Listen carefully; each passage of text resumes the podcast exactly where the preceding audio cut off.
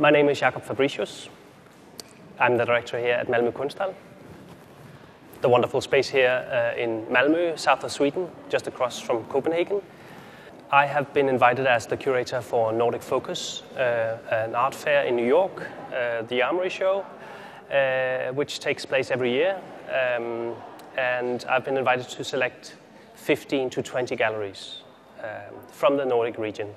Basically, I, I wanted to show uh, different scenes, the different scenes, not just the commercial side of, of, of uh, the, the, galleries in the north, but also artist-run spaces and non-profit spaces. That's been very important. So you had the, uh, the sort of like um, a broad view of, of uh, Nordic art. Um, and that's not always represented by commercial galleries, of course. Um, of course, it's an art fair, uh, and some galleries have chosen not to participate because of the, the commercial aspect of it.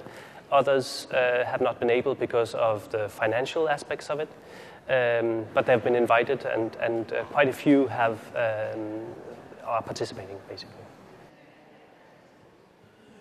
It's not a special Nordic thing, but it's kind of like maybe the vision of the North that things are free and there's a welfare state that supports you uh, you get free education, free hospital uh, care, and, and, and, things like that.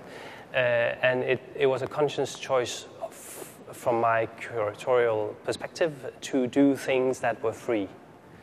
Uh, so I have done a like small sideshow to the, the gallery scene, uh, or the galleries, the selected galleries. Uh, and the small sideshow is um, posters, souvenirs, and other stuff um, posters, souvenirs, and other stuff represents posters and things you can take away for free. People can bring them home. They can, if they want, uh, they can also leave them alone and not care about it. But, but I thought that was important. Um, and um, it's, it's definitely my choice um, because the, the Armory, um, Armory doesn't have a budget to produce these things.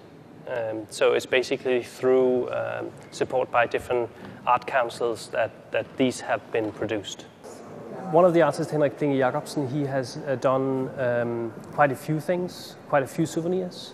Uh, one of them is uh, toilet paper uh, that will be installed, uh, installed in the bathrooms, in the toilets.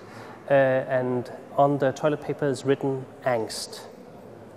He has also done lollipops where the stick also has a text that says angst.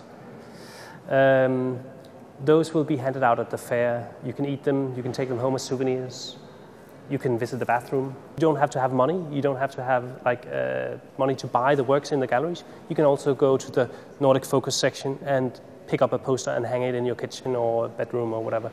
That's my uh, small curatorial contribution to this Nordic Focus.